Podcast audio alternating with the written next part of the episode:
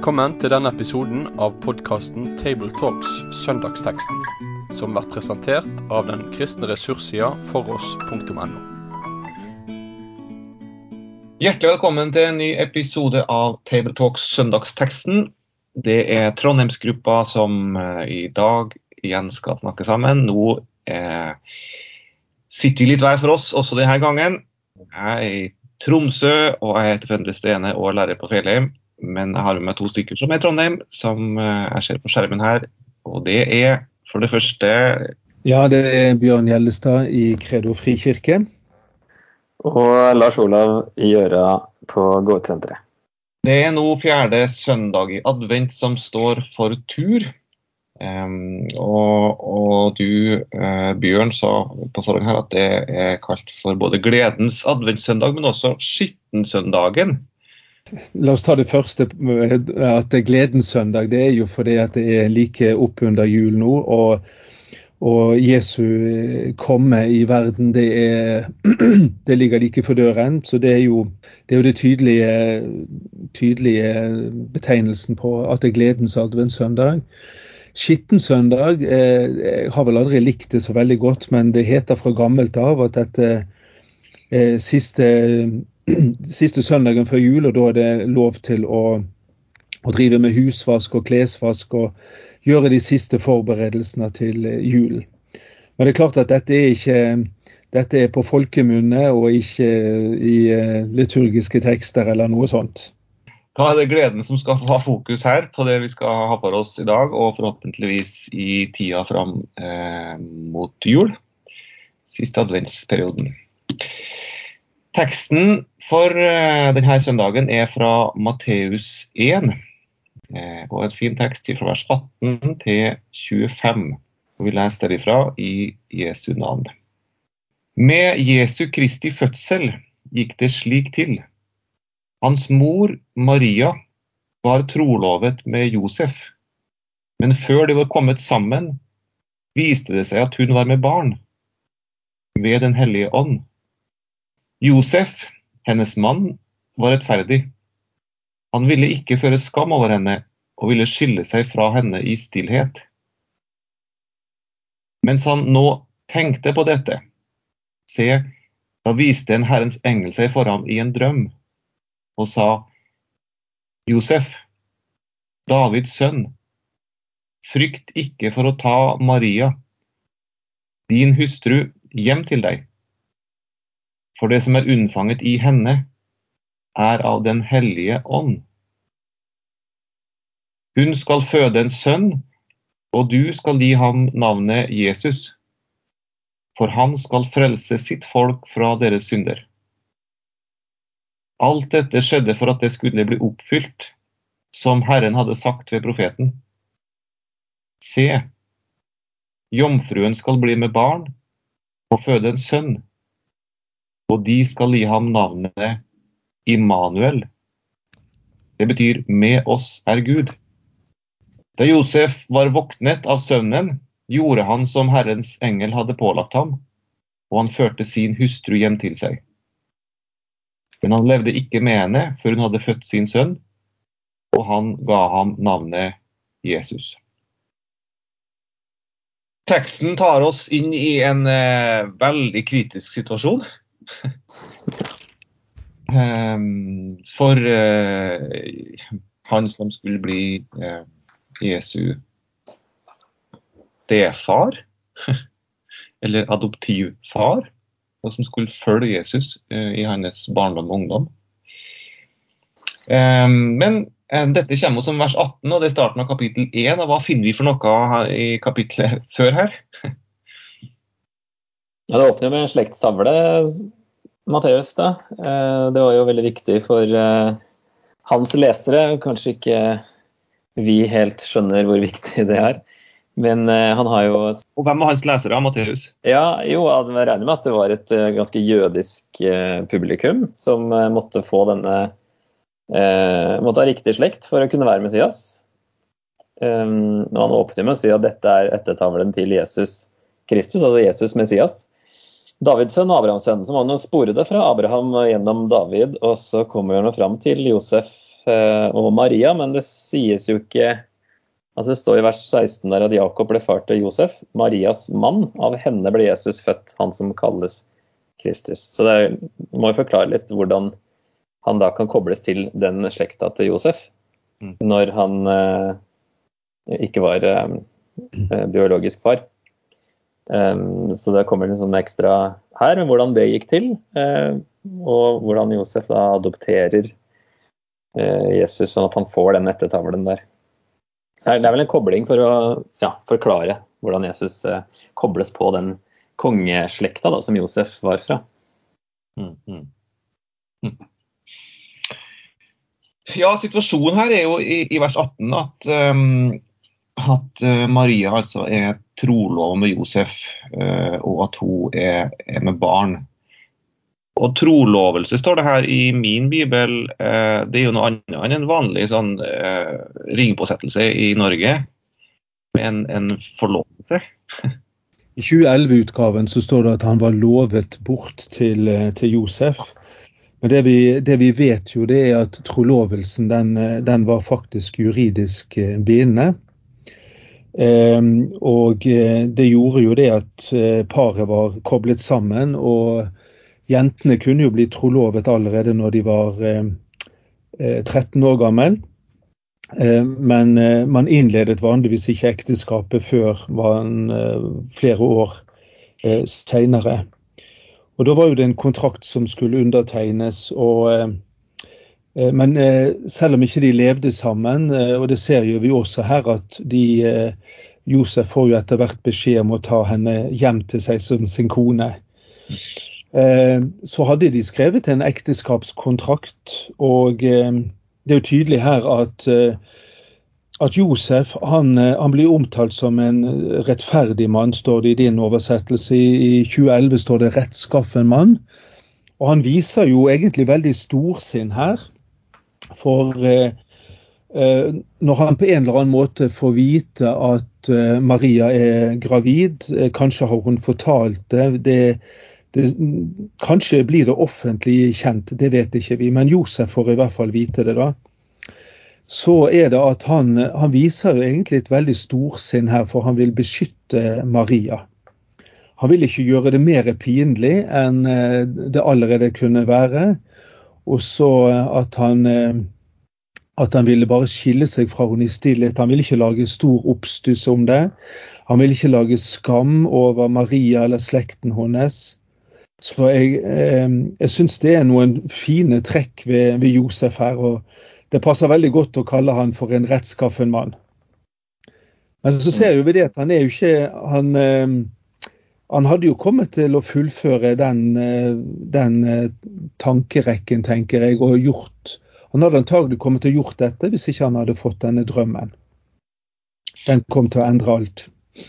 Ja, fordi en, en, en trolovelse var identisk med som, som binde eh, et ekteskap. Eh, og, at, og at hvis, hvis altså det, det, å bryte ut av, et, et eh, av en trolovelse var som å bryte et ekteskap. Ja. Eh, og faktisk hvis, eh, hvis, du var trolova og den, den, ene parten død, så ble du regna som enke.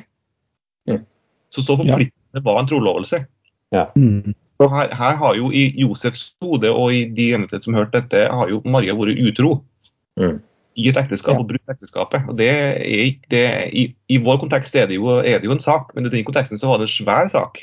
Ja, helt riktig. Så det, det, var en ekstrem kritisk situasjon for Josef og for Maria. Mm -hmm. Jeg syns det sies litt sånn uh, halvveis morsomt. da, Det viste seg.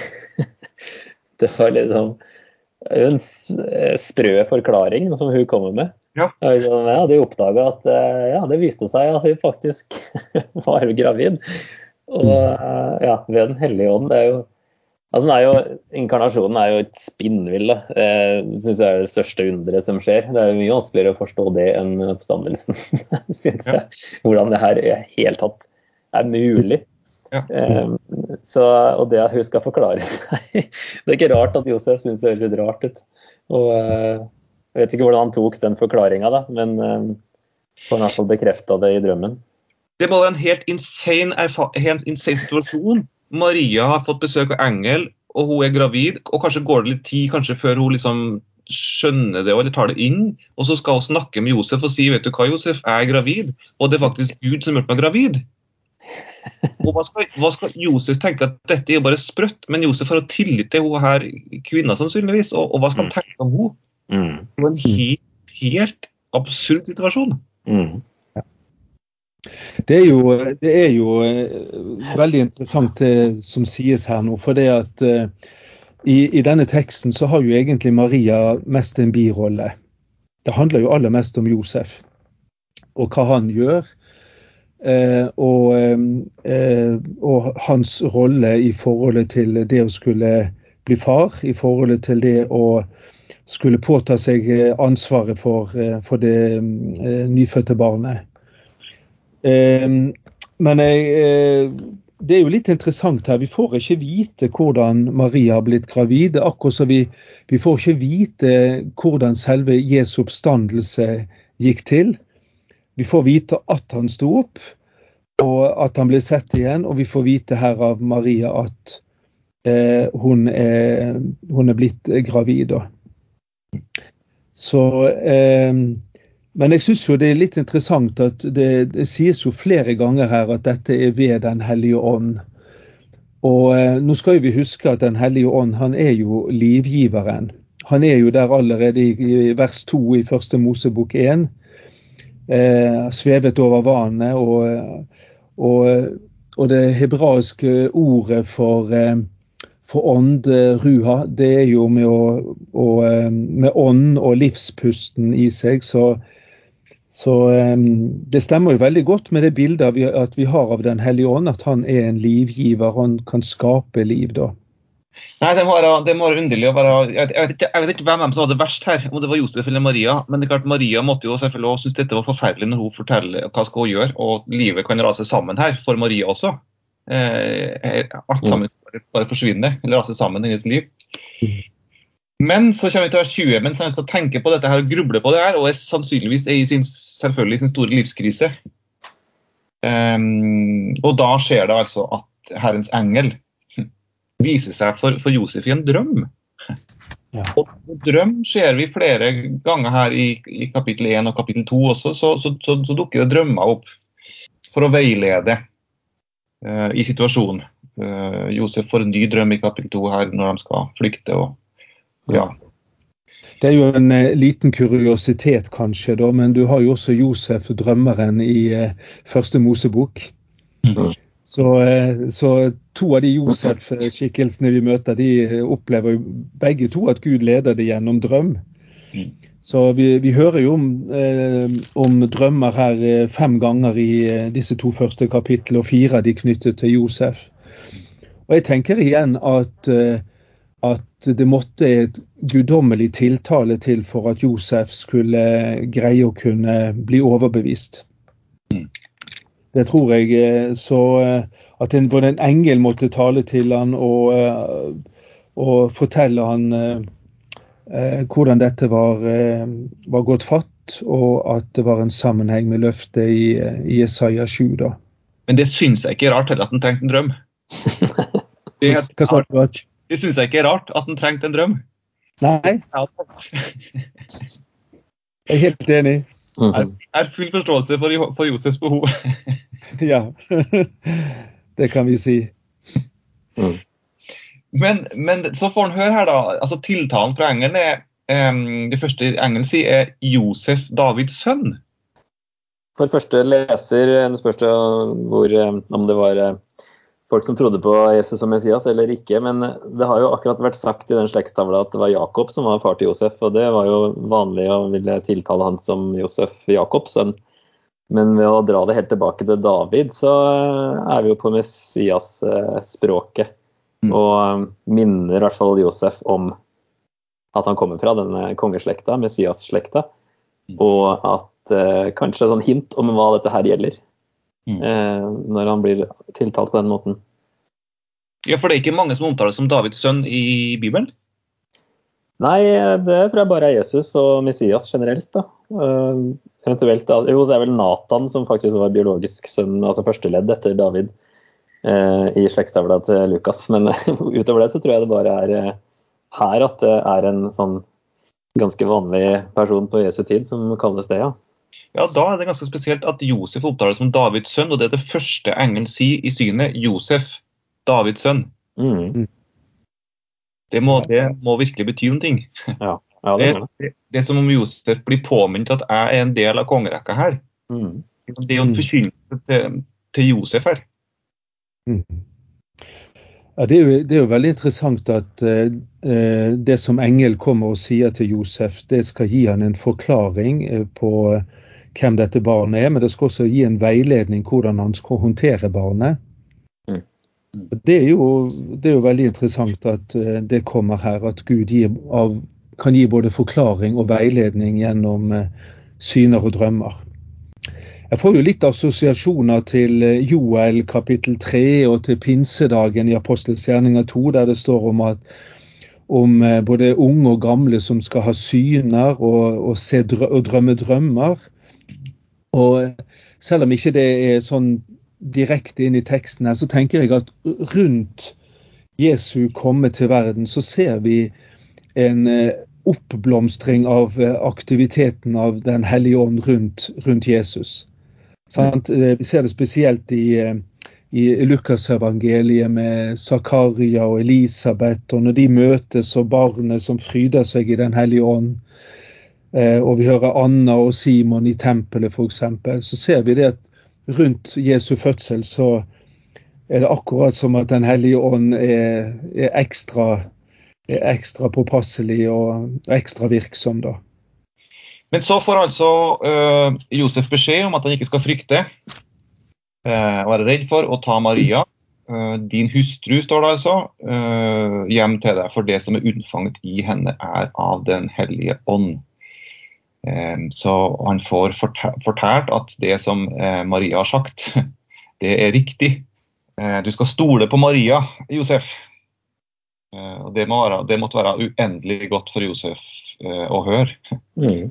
At eh, Maria har ikke bedratt meg, hun lurer meg ikke. Hun er ikke bare hun er ikke klin kokos, som han sannsynligvis måtte tenke, eller en løgnlig bedrager.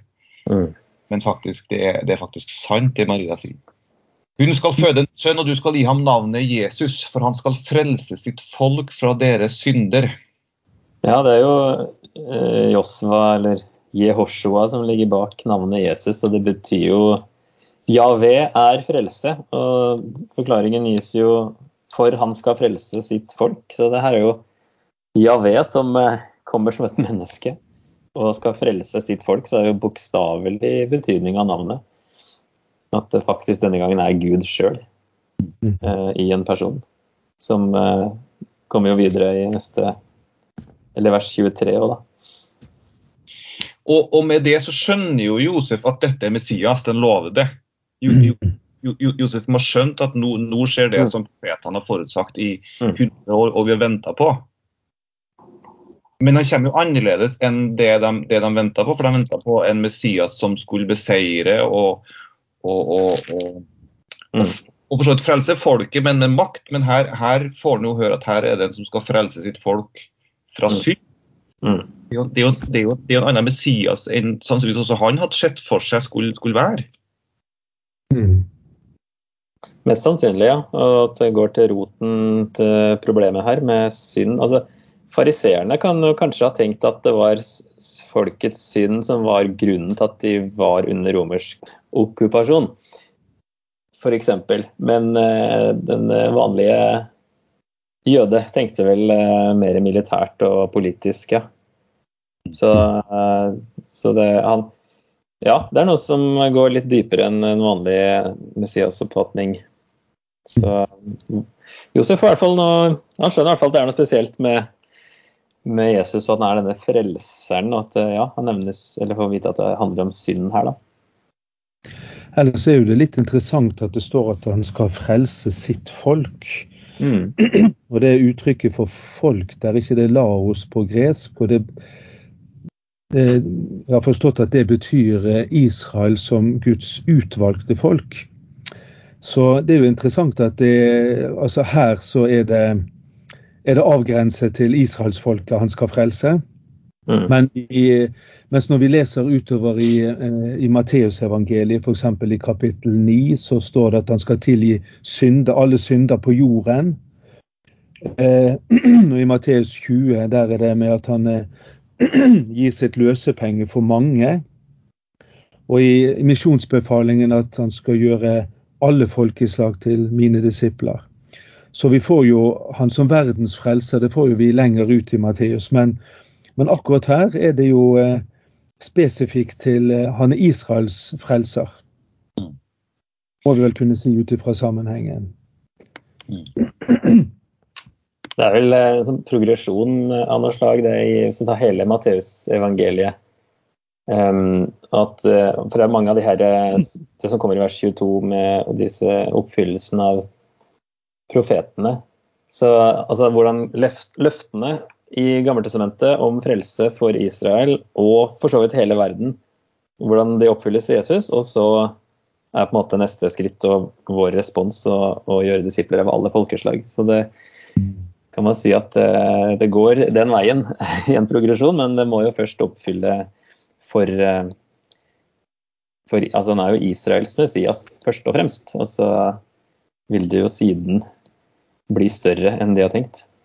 Nå er det, nå er det um, Josef som får i oppdraget å, nav, å gi navn eh, til Jesus. Det samme ser vi eh, hos, eh, hos Zakarias også, som får oppdraget å gi Johannes navn. Navn i denne konteksten betyr noe mye mer enn for oss. For oss er det gjerne et fint, eller det er gjerne et slektsnavn. Men her, her betyr, i konteksten her så betyr jo navnet no, no, noe mye mer om persons karakter, eller, eller en slags et, et, banner over livet, eller, eller en visjon for livet, nærmest. Eh, og, og, og, her er får altså Josef oppdraget å kalle Jesus eh, for, for Jesus. Som et, som et, oppdrag, som hans misjon. Han skal frelse sitt folk og deres synder. Mm. Eh, og så fortsetter eh, Matteus videre å si at alt dette skjedde for at det skulle bli oppfylt som, profet, som Herren hadde sagt ved profeten. Så dette er en oppfyllelse av noe som er sagt før. Og så, og da kommer han til, altså til profetien fra Jesaja 714. Mm. Vise til som, som forklaring på det hele. Se, jomfruen skal bli med barn og føde en sønn. Og de skal gi ham navnet Immanuel. Det betyr 'med oss er Gud'. Dette må jo være et viktig vers. Sier siden Mathias, Mathias, bruker dette som forklaring på det som nå foregår. Mm.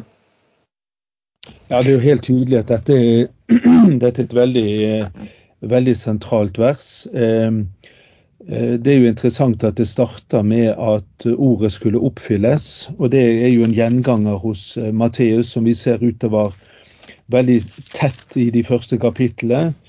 Eh, og henviser stadig vekk til, til Gamle testamentet. Og som Lars Olav sa i sted, at det er tydelig at leserne er, har jødisk bakgrunn. Som kjenner Skriftene, og som nå kan relatere løftene til eh, dette barnet som blir eh, født. Ja, det er jo, eh, det er jo sentralt at, at det skulle komme en, et barn som ikke bare skulle formidle at Gud er med oss, men i sitt fysiske nærvær så skulle han være Gud midt iblant oss. Og Det er jo også eh, sentralt hos Jesus, som vi ser, når han sier 'den som har sett meg, han har sett far'. Og Jeg, jeg tenker jo av og til sånn at uh, disse tre høytidene våre, de, uh, der er julen som uh, formidler veldig tydelig at Gud er kommet for å være hos oss. I Johannes sa jo dette med at han slo opp sitt telt iblant oss, eller tok bolig iblant oss. I påsken så er det Gud som er for oss. Og i pinsen så er det Gud som vil være i oss og bo i oss ved sin ånd. Um, så uh, vi hører at dette ligger, klinger med i, i dette verset òg, da. For det er jo spesielt at to vers før så, så, så navnet Jesus. Og så sier han her i vers 23 at du skal at de skal gi navnet Immanuel. Mm. Um, så det, det, er jo litt sånn Men det, hvordan skal vi forstå det, Lars Olav? Ja, det er jo en litt kompleks bakgrunn i Jesaja 7 her, da. For det er jo Matteus har jo kommet til litt trøbbel i moderne tid for hvordan han bruker dette sitatet. Eh, men jeg tror ikke vi skal sette oss over han. Altså, han må jo ha grunn til å gjøre det han gjør, men at vi kanskje må utvide horisonten litt. Hvordan har han kommet i trøbbel? Nei, at han tar noe som eh, egentlig ikke handla om Jesus eh, da. Altså det var noe, noe skulle være et tegn for, eh, mm. for kongen da. Eh, og at eh, han flytter det liksom bare enkelt og greit til å handle om Jesus. Mm. Eh, men Immanuel er jo utover i kapitlene etter Jesaja 7, da, det er jo nevnes jo igjen litt etterpå, og så kommer vi til slutt til kapittel 9 der det fortsatt er snakk om et barn er oss født, en sønn er oss gitt. Og der er det plutselig veldig messiansk.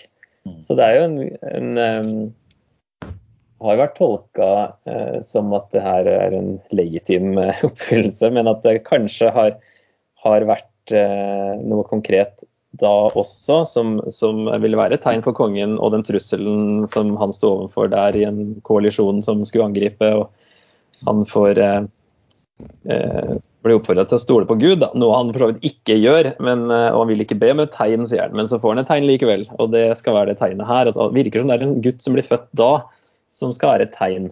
Og at før den gutten er stor nok til å skjønne godt og ondt, eh, så skal den trusselen her være borte. Så bare stol på Gud.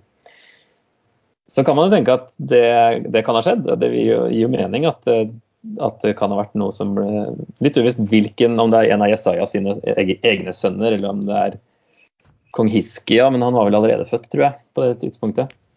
Eh, så kan likevel det her brukes av Matteus, tenker jeg, fordi Jesus overgår alt det der. Og eh, her er det faktisk konkret en jomfru eh, i den greske teksten som han bruker. da. I den hebraiske er det litt sånn kan være det, eller trenger ikke være det. Mens her Jesus er faktisk født av en jomfru, overgår liksom hele det tegnet på den måten, pluss at han er Gud med oss på en konkret måte.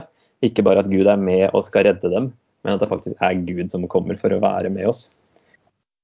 tenker jeg vi kan si, Uansett hvordan man tolker det i Jesaja, at det, det uansett kan brukes om Jesus. Ja, for på Jesaja, sånn som Jesaja, det, Situasjonen i Jesajas bok er at Akas ikke vil tro egentlig på Gud. Han mm. vil stole på Herren i en situasjon han står overfor. Og han sier mm. jeg og, og, og, Jesaja sier be om et tegn, og du skal få det på at, på at Gud er pålitelig, at Gud er til å stole på. Og så sier Akas nei, jeg vil ikke friste Herren. Altså, han, ja. Med det som mener at jeg, jeg, vil egentlig ikke stole på han, men så sier Jesaja likevel jeg vil gi dere tegn, og det er her, dette er barnet. Og så mm. kommer jeg til, til, til Matteus, og så kommer barnet her som et tegn på at Gud er, mm. Gud er til å stole på. Gud svikter ikke. Ja. Så, mm. så, så, Jesus et tegn på det, at han virkelig han er med oss. Det handler bare om, for oss om å lytte til det og tro på Gud. Gi oss over til Gud. at Han er virkelig med oss. Han er en Gud som er til å stole på. Han er frelser. Mm. Det er et veldig tegn og et veldig navn som Jesus får. Immanuel med oss er virkelig Gud. Mm. Og som du, Bjørn, sier, han er ikke bare med oss, men han kommer for å være for oss. Mm. Han kommer også deretter for å bo i oss. Vi får jo det bekreftet eh, senere i Matteus, eh, kanskje mest kjent i misjonsbefalingen, der han sier at 'se, jeg er med dere alle dager inn til verdens ende'. Ja. Og I Matteus 18,20 hvor han sier 'der hvor to eller tre er samlet i mitt navn, der jeg er midt iblant dere'. Eh, det er jo Johannes som er mest tydelig på dette med at den som har sett meg, han har sett far. Men, eh, men du, får, eh, du, får, bekreftelser på det samme her eh, utover i Matteus. da. Ellers så syns jeg det er interessant eh, i neste vers. Mm. Josef han våkner ifra søvnen. Og så ser vi at det er veldig kort vei fra at han har hørt eh, oppdraget og fått oppdraget sitt, og så gjør han etter det. Der syns jeg at Josef viser igjen at han er en rettskaffen mann. Han er en handlingens mann, han tar ansvar. Han løper ikke fra det, og han godtar Guds forklaring. Og Der tenker jeg at han er et trosforbilde for oss. I det at, eh, at det er kort vei fra å høre hva Gud sier, til å handle på det Gud sier. Står videre, og, står videre i vers 25 òg. Men han levde ikke med henne før hun hadde født sin sønn, og han ga ham navnet Jesus. Det er ikke mye vi møter Josef eh, i Bibelen. Eh, han er bare en, en, for oss en statist, nærmest, i den store fortellinga. Men han hadde jo en veldig sentral rolle i, i Jesu barndom og ungdom som, et, um, som en, en, adoptiv far. En for en farsskikkelse som Jesus på en eller annen måte også identifiserte seg med, som barn og som ungdom. Og når vi liksom ser det her, så er det jo er det på en måte fint å tenke på også at Josef var en mann som, som en, Det virker som det var en god mann og en, en, bra far. Mm. Som han også var menneske, som oss, så var det likevel en, en god mann, kan det virke som. Mm. Nå blir det jo helt tydelig da, i nei, vers 25 her at når levde ikke sammen med henne før hun hadde født sin sønn. Det er i hvert fall tydelig at det var en jomfrufødsel der. Siste ja. verset. Mm. Ellers har det vært snakk om jomfruunnfangelse eh, til nå, men det blir mm. med det siste verset så er fødselen nå der. Jeg tenker at eh, eh, jeg tenker Når vi skal oppsummere dette avsnittet, så er jo det viktig å understreke at, eh, at noe av budskapet er at Jesus er virkelig av eh, Davids ett. Han er av kongeætten. Han er virkelig Marias sønn. Han er et virkelig menneske. Eh, og, så, og han er Gud som er med oss, som er født inn i menneskeslekten. Men han er, det er også Gud som er, er blitt født her. Og så tenker jeg at Noe av eh, kallet til oss det er jo å ta imot dette barnet på samme måte som Josef og Maria gjorde det. Eh, og det gjør jo Josef her. Han, eh, han blir et trosforbilde også i det ikke bare oppdraget overfor Maria, men også overfor barnet. At han tar imot barnet, tar imot gaven fra Gud. I motsetning til det vi leser om i i, eh, i juleevangeliet og Johannes 1. Eh, han kom til sitt eget, men hans egne tok ikke imot ham. Så er Josef han oppskriften på det, den responsen Gud er på jakt etter. At uh, vi skal ta imot han, og han skal ikke bare bli født i, og lagt i en krybbe, men han skal også bli lagt i hjertene våre. Det tror jeg er viktig å få med her.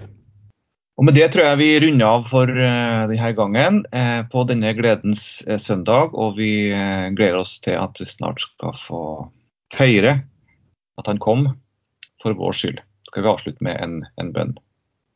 Kjære Herre himmelske Gud og Far. Vi takker og lover å prise deg fordi Jesus Kristus kom som en oppfyllelse av løftene. Han kom for vår skyld, for å frelse oss fra vår skyld Takk, Herre Jesus Kristus, at eh, du er med oss, Herre. At du ga ditt liv for oss, og at du har tatt bolig i oss. Vi ber om å få, få ro rundt det fram mot jul, og bestille for det og få ta imot deg eh, som, som Josef gjorde, i våre hjerter. Amen. Med det sier vi takk for følget for denne gang. Finn flere ressurser, og vær gjerne med å støtte oss på foross.no.